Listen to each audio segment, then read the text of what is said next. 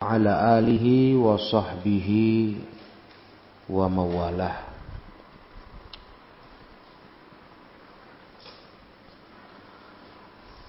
melanjutkan pelajaran surah al-ahzab.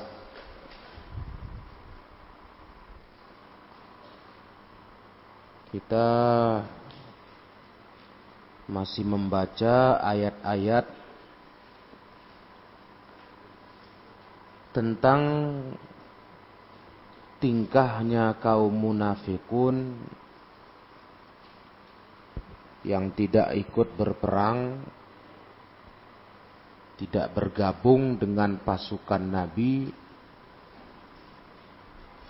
untuk menjaga Khandaq Arid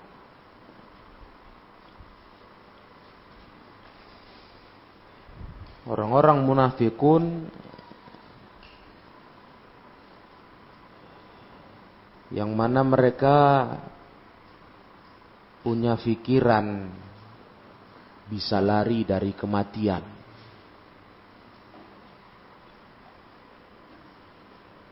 Mereka kira kalau di rumah saja bisa selamat, tidak terbunuh. Ya. Makanya Allah Ta'ala katakan di ayat sebelumnya, tidak manfaat bagi kalian lari. Kalau kalian mau lari dari mati. Kalau memang harus mati, kalian di mana pun berada, pasti mati juga. Siapa yang bisa menjaga kalian dari Allah? Kalau Allah inginkan kalian dapat celaka, bencana, yang bisa nolong kalian siapa? Atau Allah menginginkan rahmat untuk diri kalian?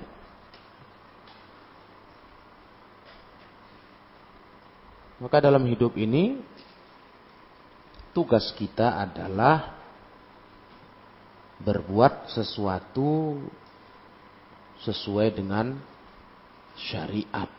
Urusan resiko akibat dalam beramal itu serahkan kepada Allah.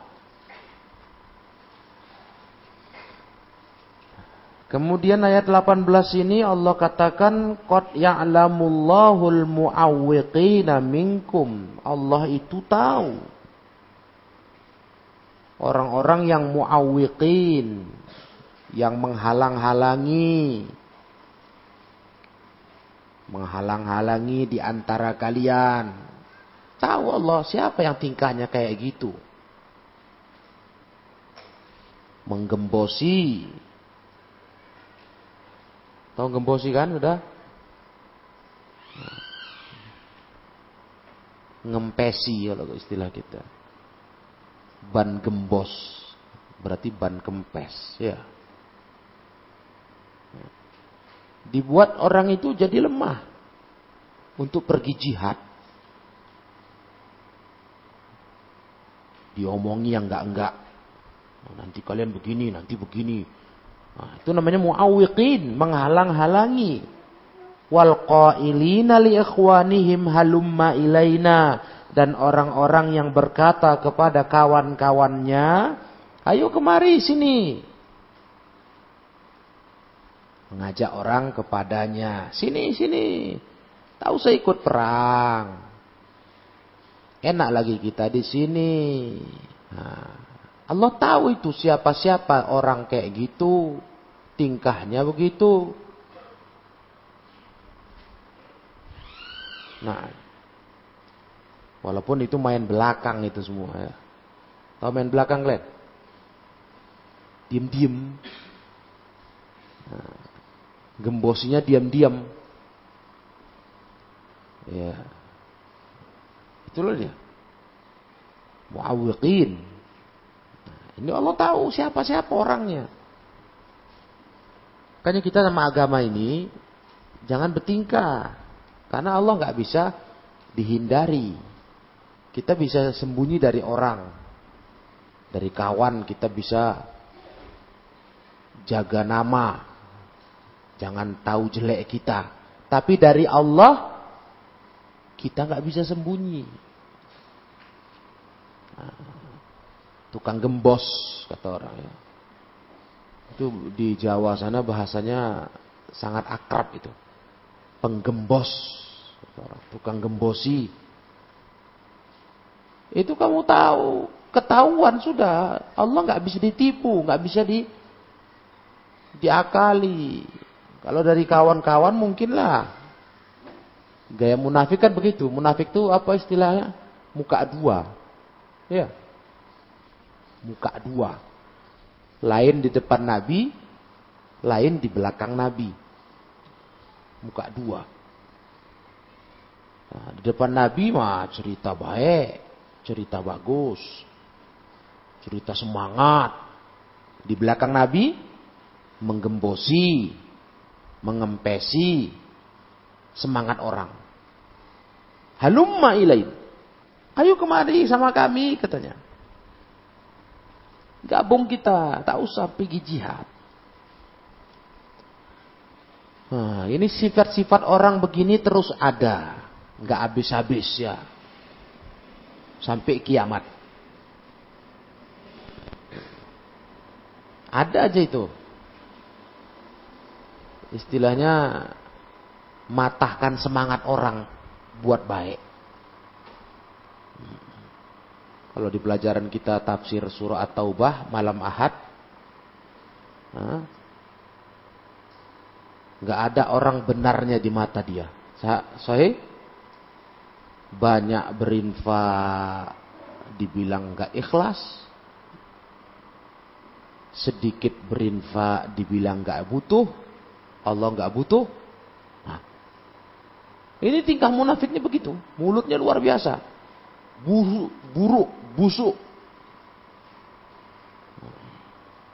Tukang komentar yang jelek-jelek aja. Jangan ditiru tuh ya tulab al-ilm Jangan ditiru. Mulutnya main belakang aja bisanya.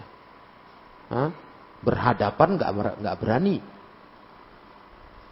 Berhadapan kepada dengan Nabi nggak berani untuk ngomong jangan ngapain perang ngapain ngapain kita di rumah aja nggak berani tapi di belakang wah, luar biasa cakapnya banyak itu cakapnya banyak. Ini sifat munafik. Penakut. Aslinya penakut tapi sok pura-pura pemberani. Kalau di depan Nabi dan sahabat kayaknya dia paling jago. Di belakang, wah inilah aslinya. Penakut, takut mati. Kalian tinggalkan ya sifat seperti ini. Ini sifat mulut begini ini jelek kali. Merongrong dia, istilahnya merongrong. Nah, melemahkan semangat juang. Ya. Makanya kata ulama, kalau kau tak bisa buat baik, tak mau diajak buat baik, jangan kau ganggu orang buat baik. Jangan kau buat orang malas buat baik. Kalau kau belum mau buat baik. Paham tuh? Hah? Kalau belum bisa memperbaiki diri, jangan merusak orang lain lagi. Itu hidup. Belum bisa kau benahi dirimu, kau perbaiki dirimu dengan segala akhlak burukmu. Jangan kau rusak orang lain. Nah, begitu hidup. Karena munafik kebalikannya. Sudahlah nggak bisa memperbaiki diri, nggak bisa membawa diri jadi orang taat. Apa kerjanya? Ngajak orang lain untuk kayak dirinya. Jadi orang buruk. Itulah muawwiqin. Tukang menghalang-halangi. Ini akhlak jelek munafik. mulutnya ngeri, di belakang tuh ngeri mulutnya. Muka dua kata orang, muka dua. Manis di depan, busuk di belakang. Nah, Walayatunal ba'sa illa qalila. Mereka tidak akan mau datang berperang, kalaupun mau ikut perang, kecuali sedikit sekali. Kalaupun mereka ikut perang, sebentar habis itu lari. Jadi nggak ada mereka ini orang-orang yang berkelas. nggak ada bernilai munafik ini. Kata beliau, "Tsumma tawa'ada ta'ala al-mukhazzilin al-mu'awwiqin." Kemudian Allah taala mengancam ya, orang-orang yang mukhazzil, itu sama mu'awwiq, mukhazzil sama. Yang menggembosi, menghalang-halangi ahlu takhzil. Wa tahaddadahum, Allah ancam mereka Allah marah kepada mereka sambil Allah berkata, "Qad ya'lamullahu al-mu'awwiqina minkum 'anil khuruj."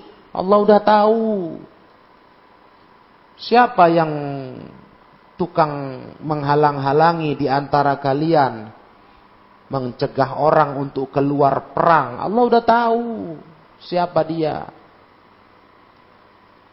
Dari Allah kalian nggak bisa sembunyi, hai munafik. Ini kan makar namanya, makar. Makar tuh rencana buruk di belakang. Makar, diam-diam. Jelek ini orang gini ya. Nauzubillah hidup kayak gini ya. Busuk. Hmm. Ya. Lima lam yakhruju.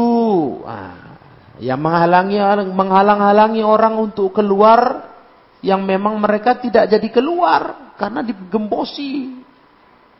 Nah, dibujuk-bujuk jangan keluar. Ayo kita sini sama kami. Hah?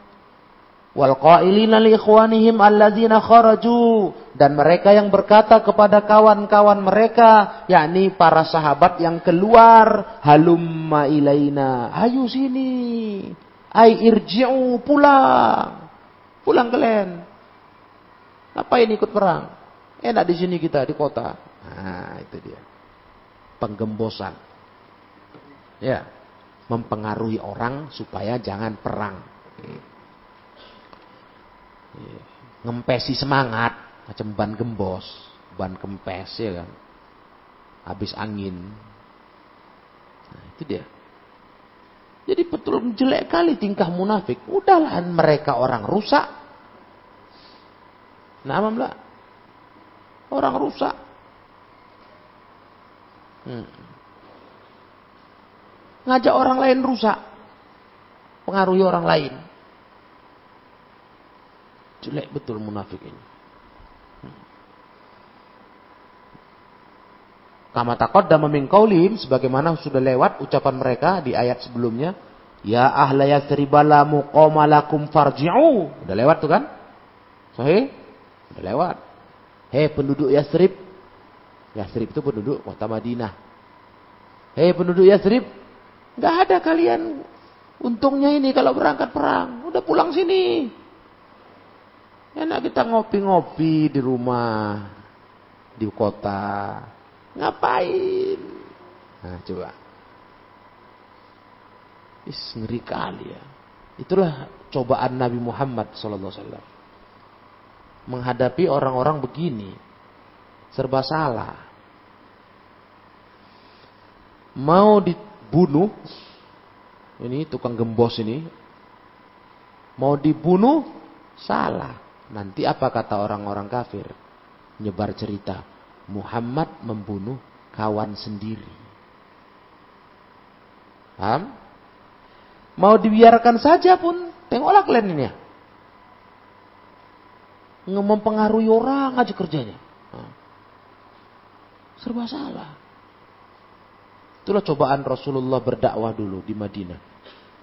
Adanya kaum munafikin.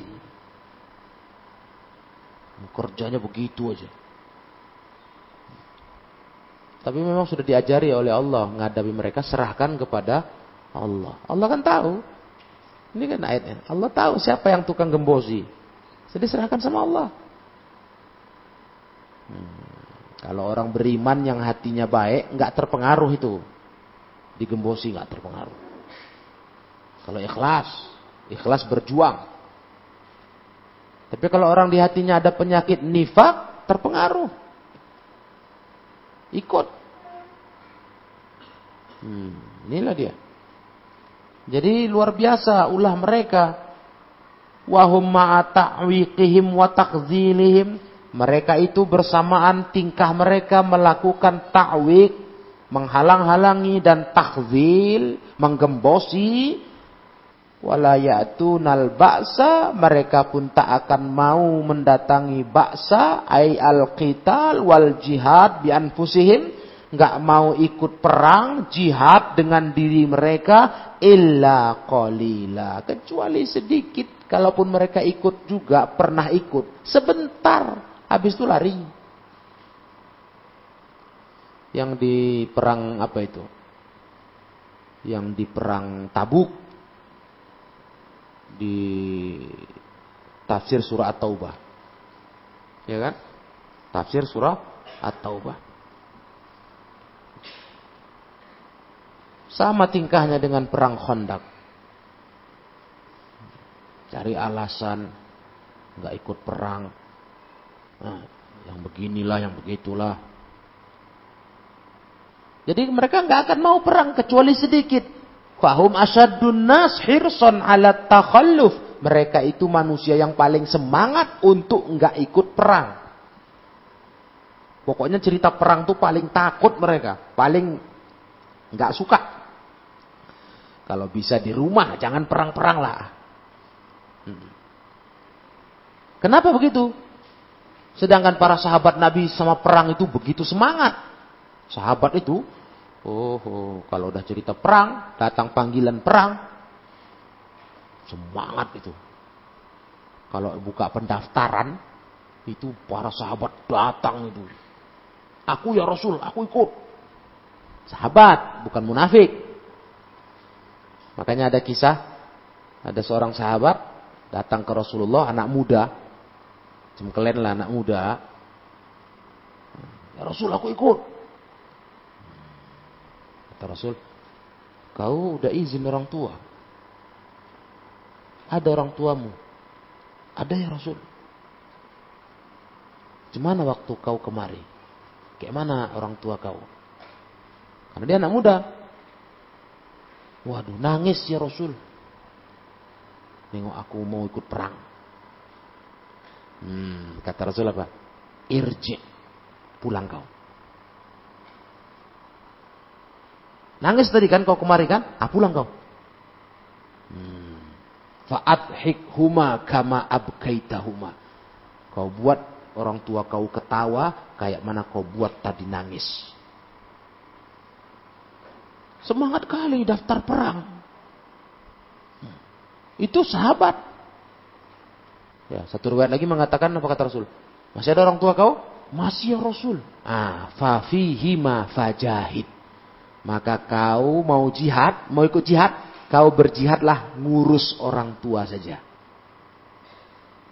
Gitu. Semangatnya sahabat mau jihad.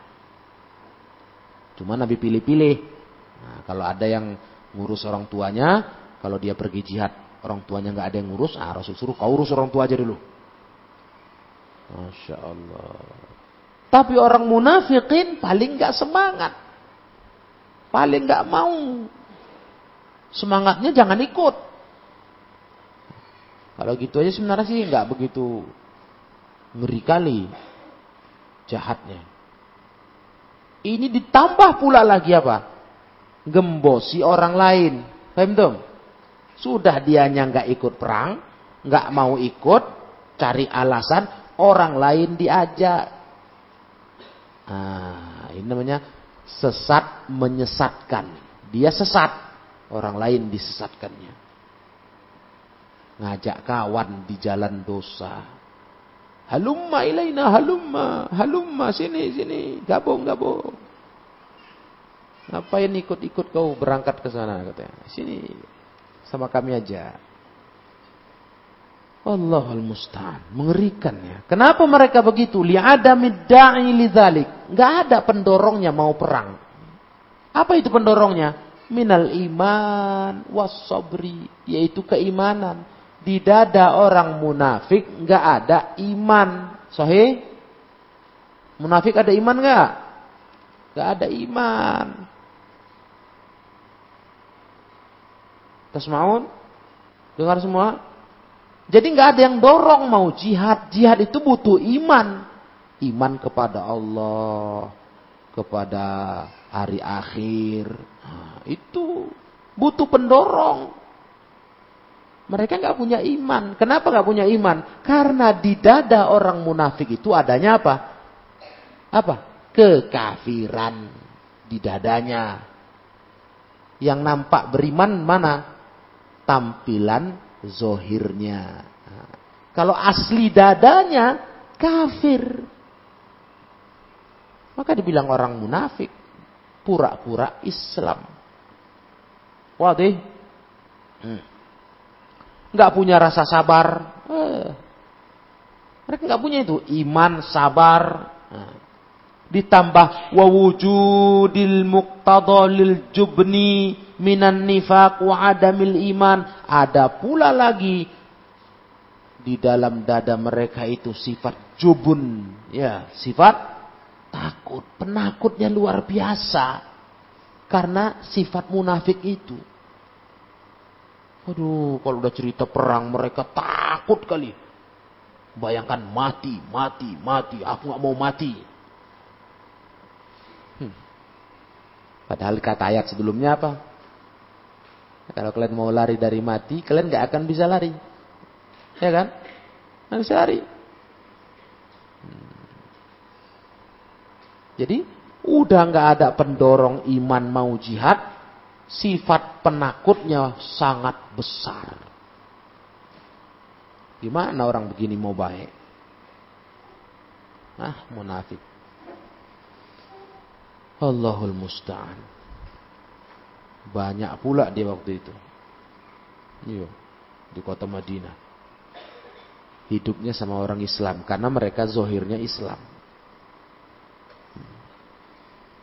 Kayak zaman sekarang ini kita nggak tuduh orang-orang di sekitar kita munafik nggak boleh. Tapi kita melihat sifat munafik itu. Banyak. Tunjuk hidung nggak boleh. Kau munafik nggak boleh. Karena munafik itu menyembunyikan kekafiran. Nah, siapa yang tahu isi hati orang? Nggak ada kan? Menyembunyikan kekafiran, menampakkan keislaman. Ya. Jadi nggak boleh kita tuduh, eh munafik, kau munafik, dia munafik, nggak boleh. Nah, Cuma kita melihat ciri-ciri nifak itu terus ada. Ayatul munafik, ciri-ciri munafik ada. Itulah salah satunya kalau cakap tukang bohong. Paham? Paham tuh? Cakap tukang bohong. Nah, awas. Tak usah bohong. Jangan dusta. Hmm. Itu sifat munafik. Ya. Terus lagi yang di sini kita baca, ah ini. Tukang gembosi orang. Tukang melemahkan semangat orang buat baik. Mulutnya jelek. Ngasih pengaruh-pengaruh buruk sama orang. Itu munafik. Sifatnya begitu. Nah, kalau dikasih amanah khianat. Kalau dibilang kalau takut perang, sekarang belum ada perang memang, ya kan? Kalau ada ketahuan tuh ciri-ciri munafik. Dia paling takut perang. Takut mati. Nah, sekarang kita nggak ada perang. Jadi nggak nampak sifat itu. nggak kelihatan. Paham? Tapi kalau bicara bohong, dikasih amanah khianat, nah, Itu nampak. Terlihat itu. Sifat-sifat munafik. Sifat-sifat munafik. Atau dengan bahasa lain namanya nifak amali. Betul nggak? Sudah dapat ilmunya kalian kan? Kemunafikan ada dua. Nifak amali dan nifak apa? Iktiqadi. Kalau munafik yang di zaman Nabi itu nifak i'tiqadi. Memang keyakinannya itu munafik. Kok tahu? Iya Allah yang ngasih tahu Rasul. Ya kan? Allah yang ngasih tahu Rasulullah. Nah, kalau ini kafir ini, nifak i'tiqadi, kafir. Dan memang dia kafir. Nah, adapun nifak amali ini amalannya amalan orang munafik. Enggak dikafirkan, enggak. Ada si tukang bohong, ada si tukang khianat, ya jangan dikafirkan.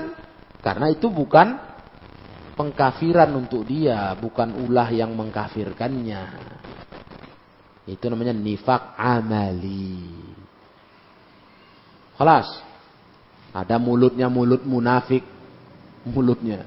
Nah, itu tukang gembos. Tukang komentar amal baik. Terus mengajak orang jangan beramal baik. Nah itu. Jangan buat itu ya. Kalau nggak bisa kau buat baik. Jangan orang lain kau halangi buat baik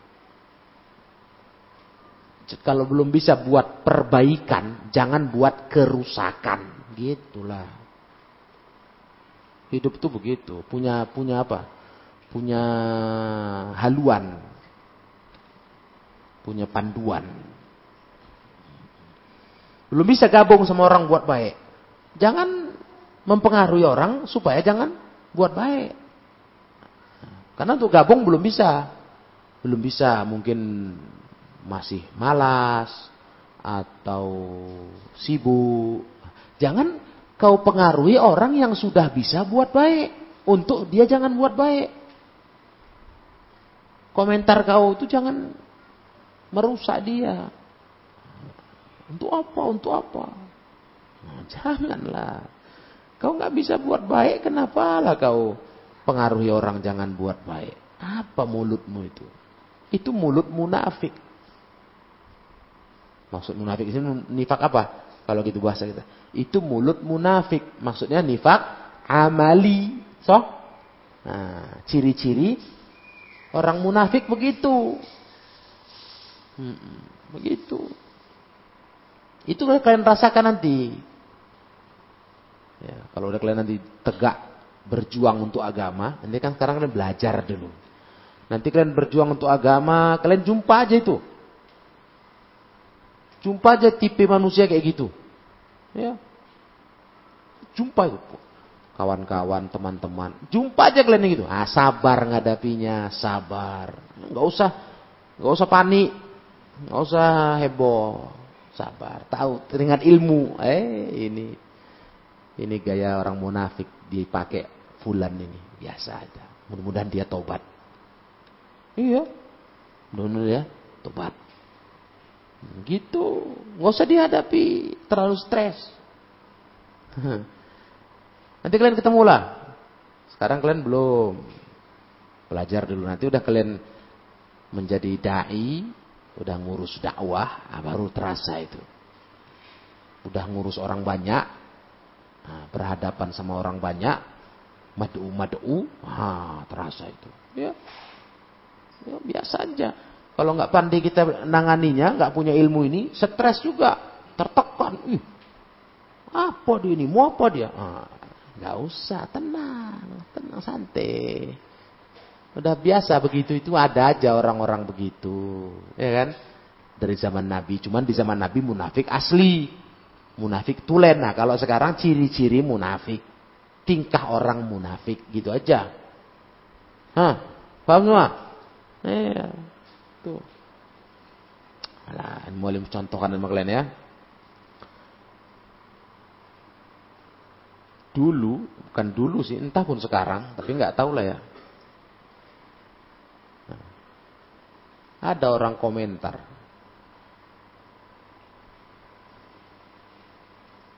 Ada orang komentar, mualim pun nggak cari tahu orangnya siapa. Pokoknya ada. Dan itu sudah cukup sering disampaikan, dilontarkan. Hah? Apa katanya? Untuk apa kita kerja bakti ke talun kenas? Apa gunanya? Hah? Itu apa itu?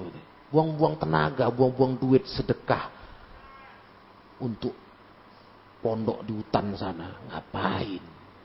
Nah, tengok itu. Padahal Masya Allah. Menggerakkan orang mau ke sana.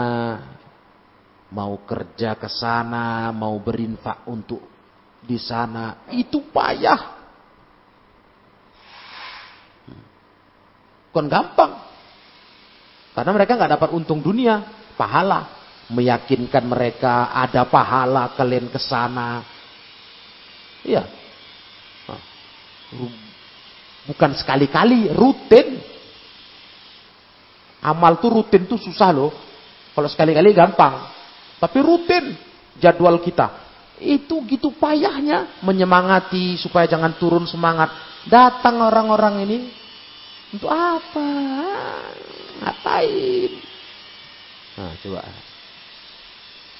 Kalau kalian nggak ngadapin contoh ini dengan ilmu, ya stres, Gerem. Hmm. Maunya kita cari orangnya siapa, kita jambak mulutnya. Kan begitu kan? Palaknya kita nengoknya. Kalau kau nggak mau, nggak usah. Orang nggak dipaksa kok. Nggak dipaksa. Jangan orang lain kau pengaruhi. Kok untuk apa? Berarti kau memang dasar nggak punya ilmu. Namanya amal kebaikan itu, walau kana mislu zarrah, walaupun sebesar biji zarrah, pasti akan kita dapati balasannya. Sohayam lah. Lah. Apa yang sia-sia? Kan bahasa tadi itu bilang kan nggak berguna tuh sia-sia. Karena nggak ada orang. Nah, nggak ada santri. Sebesar biji zarroh aja kau bersedekah, kau beramal baik. Kau akan lihat hasilnya. Fama ya'mal mithqala dzarratin khairai roh. Apa yang sia-sia? Hah? Gak usah kan keluar tenaga, keluar ongkos, keluar bensin, minyak, keluar waktu. Kau senyum aja. Hmm. Muka senyum aja kau. Pahala.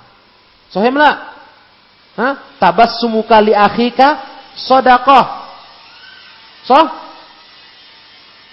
Enak aja bilang ngapain gitu. Nah, itu contoh pelajaran sama kalian. Contoh kasus. Ya kita sabar aja. Nah, ya kan? Enggak kita ambil pusing dah. Cuma kita teringat ilmu. Gaya orang munafik. Ya kan? Gaya orang munafik.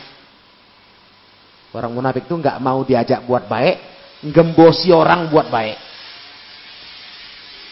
Paham dong? Contoh. Iya. Padahal kita namanya berbuat tuh ya dengan perhitungan lah. Sekarang kita punya pondok nggak punya orangnya karena belum siap pindah. Ya butuhlah disiapkan sarananya, disiapkan tempatnya, tenaga pengajarnya, gitulah. Bukan asal loncat sana loncat sini kayak kutu. Bukan begitu. Nah, jadi ya gitulah mulut manusianya kalau kita nggak hadapi dengan ilmu, kita pening ya kan? Suka hati dia aja bunyi begitu. Dan ini adalah merupakan apa? Merupakan tingkah munafik. Udah paham ini contohnya? Nah, makanya di hidup nih kalau nggak bisa buat baik, jangan ganggu orang buat baik. Ah, kau pinggir, minggir. Istilah gitulah. Jangan kau di tengah jalan ngalangi orang. Gak usah. Nah, kau nggak mau ikut, nggak mau ikut naik bus. Kayak mau berangkat nih, mau kerja. Pinggir. Nah, itu. Duduk sana di pinggir. Nah, atau masuk paret sana.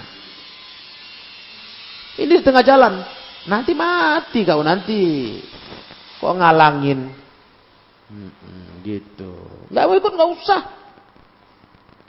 Jangan kau halangi, kami mau berangkat nih. Kan gitu harusnya.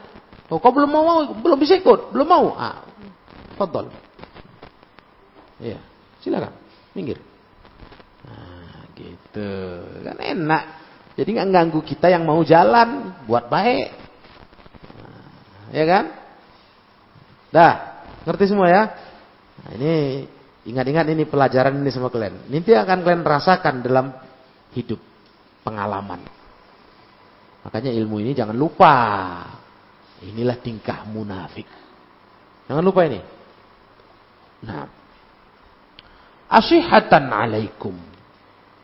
Mereka itu orang-orang yang pelit, kikir atas kalian. Falam faida ja'al khawfu ra'aitahum yanzuruna ilaika taduru a'yunuhum kalladhi yughsha 'alaihi minal maut. Kalau datang rasa takut kepada mereka kepada munafikin, kau akan lihat mereka memandang kepadamu beredar mata mereka taduru alai a'yunuhum beredar yakni matanya itu kayak orang apa semaput apa itu semaput? Yughshakalladzi yughsha alaihi minal maut. Seperti orang yang mau mati. Nah, apa mata itu kayak juling-juling gitu. Ya kan? Oh, kayak orang mau pingsan gitu. Semaput itu pingsan. Saking ketakutannya. Kalau ada datang kabar menakutkan, Kayak ada kabar musuh menyerang. Wih, itu matanya kelihatan kayak orang mau pingsan. Terbalik-balik, juling gitu. Begitu mereka. Faiza zahabal khaufu tapi kalau udah hilang rasa takut, hilang rasa takut, salakukum bi alsinatin hidad. Mereka akan ngomong sama kalian dengan lisan-lisan yang tajam Oh, lisan yang mantap, fasih. Asyihatan alal khair. Semua itu karena mereka pelit untuk buat kebaikan. Kalau udah hilang rasa takut, gagah kali. Ngomongnya, uh, mantap. Ngomongnya tegas. Iya. Begitu datang rasa takut, langsung kayak orang mau mampus, mau meninggal. Pingsan. Iya kan? Aduh. Kasus sudah. Inilah orang-orang munafik begitu singkat sikapnya. Hah? Udah hilang ancaman, khauf itu ancaman, rasa takut. Udah udah tenang-tenang. Oh, kalau ngomong berapi-api. Alsin alsinatin hidat. Lisannya tajam, mantap. Hmm. Begitu datang kabar berita yang menakutkan, langsung layu. Ih, lucu. Itulah tingkah munafik itu. Ulaika lam yu'minu fa'ahbatallahu amalahum. Mereka itulah orang yang tak punya iman. Allah hapuskan amal mereka. Wa kana dzalika 'ala Allah yasira dan itu gampang bagi Allah. Tak punya rasa iman nggak punya rasa iman di dada. Nah. Ayo kita lihat apa arti pelit dimaksudkan di sini. Asyihatan alaikum. Asyihatan alaikum bi abnanihim indal qital. Maksudnya apa? Pelit atas kalian dengan badan mereka. Pelit untuk membantu ketika perang. Pelit pelit badan, pelit tenaga kata kita. Nah inilah dia tadi. Pelit tenaga. Padahal tenaganya ada. Pelit kali tenaga itu. Hmm. Wa bi amwalihim indan nafaqati fi pelit harta ketika harus bernafkah, berinfak untuk jihad. Pelit untuk perang. Kan perang itu butuh butuh tenaga, butuh badan, butuh harta. Mereka pelit. Fala yujahiduna bi amwalihim wa anfusihim. Mereka nggak mau jihad dengan harta, dengan jiwa, nggak mau. Oh, pelit kali. Tenaganya pelit, duitnya pelit, munafik itu. Hmm. Parah kali lah sifatnya. Iya. Fa'idha ja'al khawfu ra'aitahum yanzuruna ilaika nazaral maghshi alaih. Kalau datang rasa takut, kau melihat, kau lihat mereka memandang kepadamu seperti pandangan nazaral maghshi alaih. Pandangan orang yang mau pingsan. Pingsan artinya udah sekarat minal maut. Sampai-sampai kayak gitu. Nengok kita tuh wah matanya kayak orang udah mau mati saking saking apa? Menggambarkan apa? Minan min syiddatil jubni karena sangat ketakutan. Jadi begitu dengar ada kobar-kobar yang nggak enak, oh langsung kayak orang mau mati. Lucu kan nengoknya. Ya kan? Langsung layu. Nengok kita tuh layu terus. Gak bergairah. Macam orang mau mati. Hah? Itu karena takut. Alladhi khola'a yang rasa takut itu mencabut hati mereka. Wal qalaq alladhi azhalahum dan al qalaq kegundahan yang membuat mereka kebingungan. Jadi karena udah mentalnya sangat tertekan gitu. Menggambarkan mentalnya tertekan. Jadi bingung gitu. Waduh, kayak mana nih, kayak mana ini gitu. Astagfirullah. Penakutnya luar biasa munafik itu tuh kalian. Wa khaufan min ijbarihim ala ma yakrahuna minal qital karena takut merasa dipaksa atas apa yang mereka nggak suka berupa perang. Jadi dengar kabar musuh datang misalnya, kan tuh berita berita menakutkan tuh pengumuman kita mau diserang. Misalnya datang pengumuman di kota kita. Kita mau diserang musuh. Musuh udah udah sampai Sukarami. Wah dekat udah. Nah, itu orang munafik. Kayak orang pingsan itu. Wah bingung bingung. Kayak orang nggak ada semangat. Loyo. Tapi kalau ceritanya nggak ada perang dia yang paling gagah Uh, paling Masya Allah lah gayanya. Nah, begitu ada cerita yang menakutkan. Kayak gitu. Mata pun udah mata orang mau mati. Nah, yusha alaihi minal maut. Nah. Tapi faida zahabal khawfu ketika hilang rasa takut itu wasaru fi halil amni wa tuma'nina. Mereka berada di dalam kondisi aman dan tenang. Halil amni wa tuma'nina kondisi aman dan tenang. Maka salakukum bi alsinatin ay khatabukum wa takallamu ma'akum bi kalamin hadidin. Mereka akan bicara kepada kalian. Khatabukum. Sama kan? Khotaba mengajak bicara. Takallama bicara. Wa takallamu ma'akum bi kalamin hadid dengan ucapan yang tajam. Tuh Paten kali kalau udah nggak ada rasa ancaman takut. Ngomongnya paling gagah. Hmm. Pokoknya kayak dialah jagoannya di kota itu. Kalau lagi rasa aman nih, lagi aman. Misalnya ngobrol-ngobrol, nanti ini kalau nanti musuh datang kita gimana nih? Kita potong katanya. Wih, mantap kali. Kita belah, kita cincang. Gaya kali sambil megang pedang. Begitu yang satu bilang, eh betul datang rupanya udah dekat itu. Ah langsung layu dia, Hah? Astagfirullah. Jelek kali orang kayak gini ya kan. Ah. Kalau nggak ada rasa takut, dia gagah kali. Kala min hadid wa da'a wa ghaira sahihah. dan pengakuan-pengakuan yang nggak benar. Langsung ngumbar-ngumbar ngumbar cerita, ngumbar-ngumbar cakap.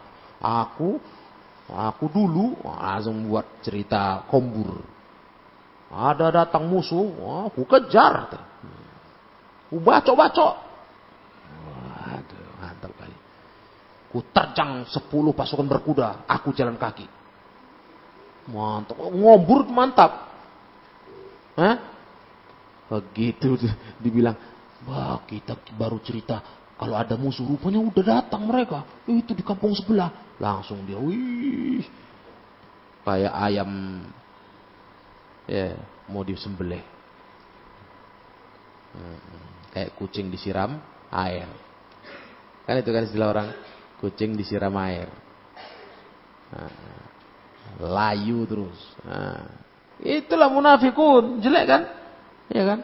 Wahina tasma'uhum tadhunnuhum ahla syuja' wal iqdam. Kalian kalau mendengar mereka cakap pas lagi enggak ada rasa takut, tasma'uhum tadhunnuhum kau kira mereka orang-orang pemberani, orang-orang yang selalu gagah maju ke depan karena hebat komburnya.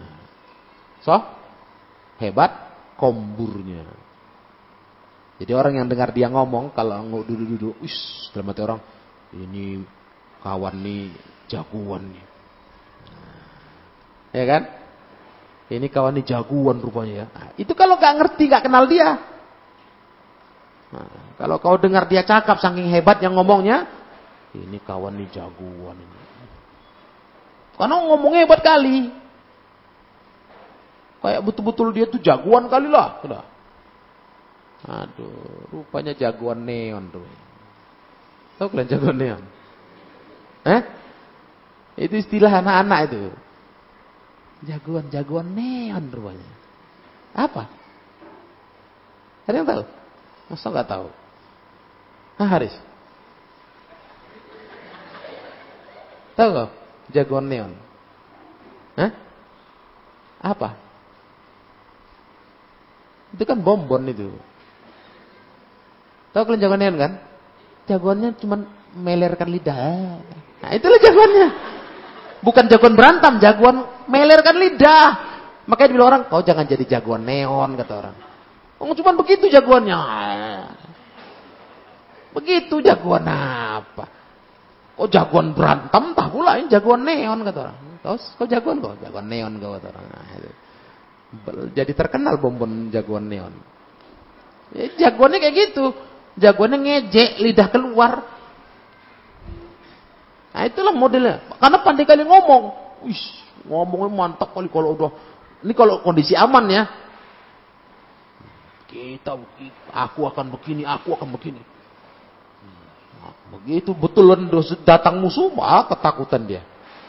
Nah, asyihatan alal khair. Itu karena dia pelit kepada buat baik. Alladzi yuradu yang diinginkan dari mereka kebaikan itu harusnya wahada syarrun ma fil insan inilah yang paling buruk pada manusia apa itu yang paling buruk pada manusia ayakuna syahihan bima umirobih dia pelit mengamalkan yang disuruh itulah paling jelek pada hidup seseorang kalau dia bakhil tak mau mengerjakan yang diperintahkan syahihan bimali ayun fiqahu fi wajhi pelit dalam hal harta yang harusnya dia berinfak di tempatnya, fi wajhi, di tempatnya.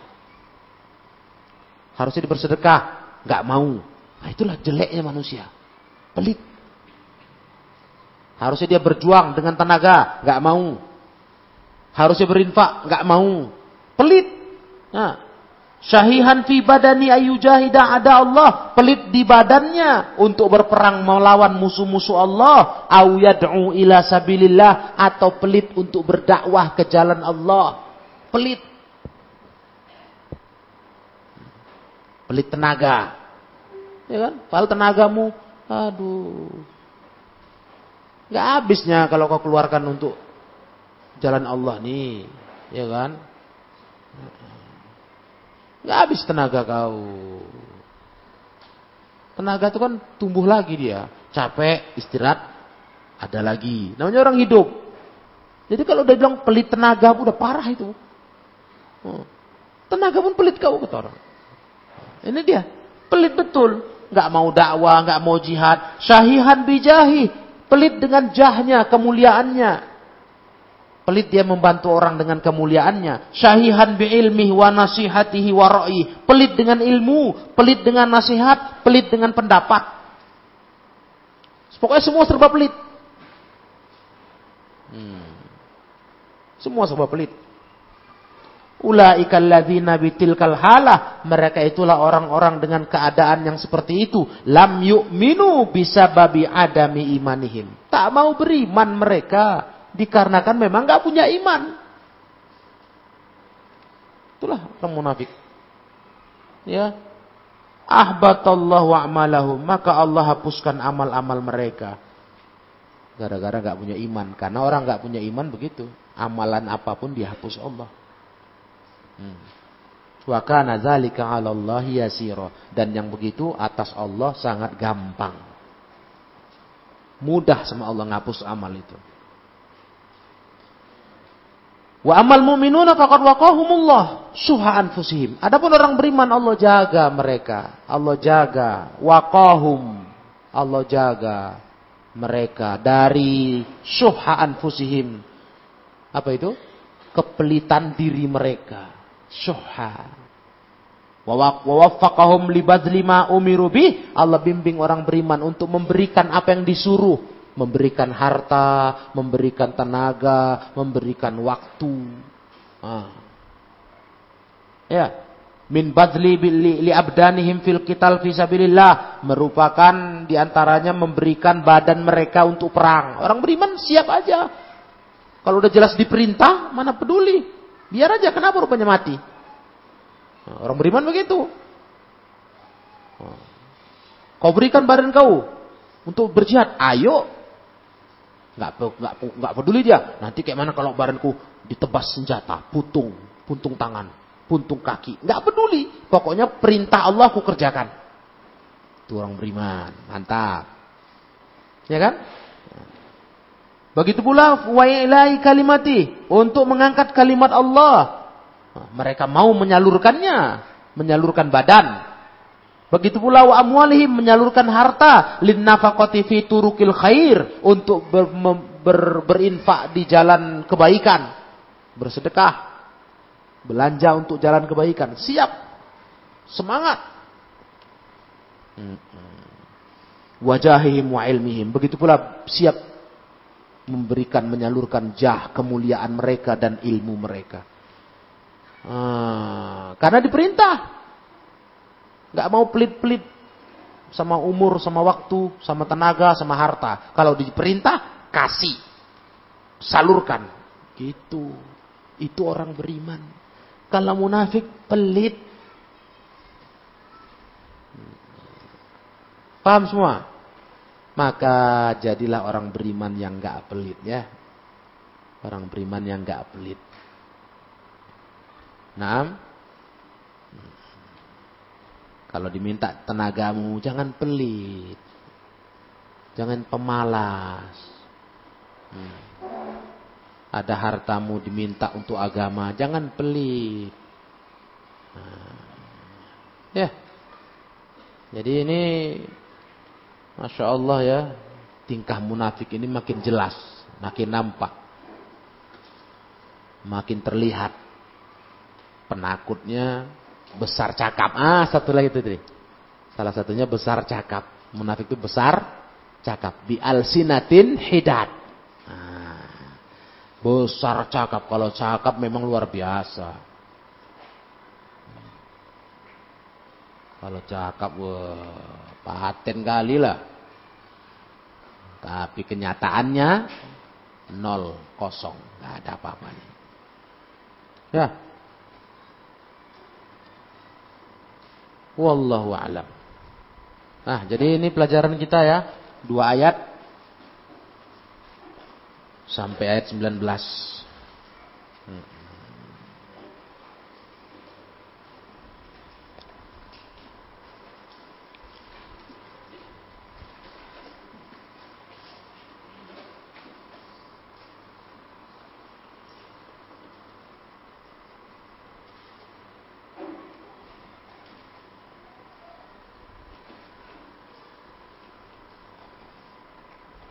Ini semester kedua kita mulai dari mana?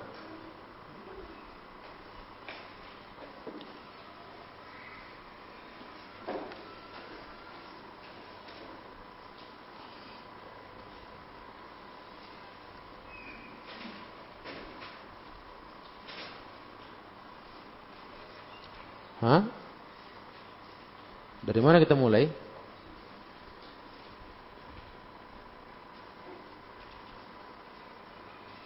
Hmm? Ayat? Hah? Ayat 68. Ya, ingat ya, kita belajar dua kali lagi ya sebelum masuk eh, masuk minggu tenang.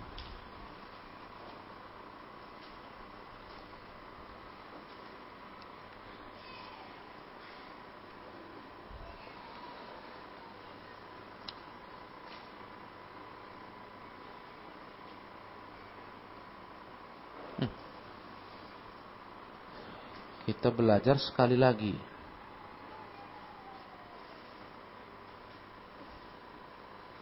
Sekali apa dua kali ya? Nah besoklah tengok. Besok mulai umumkan hari Sabtu sore jadwal ujian. Tengok baik-baik ya jadwal itu nanti. Baca. Ujian akhir.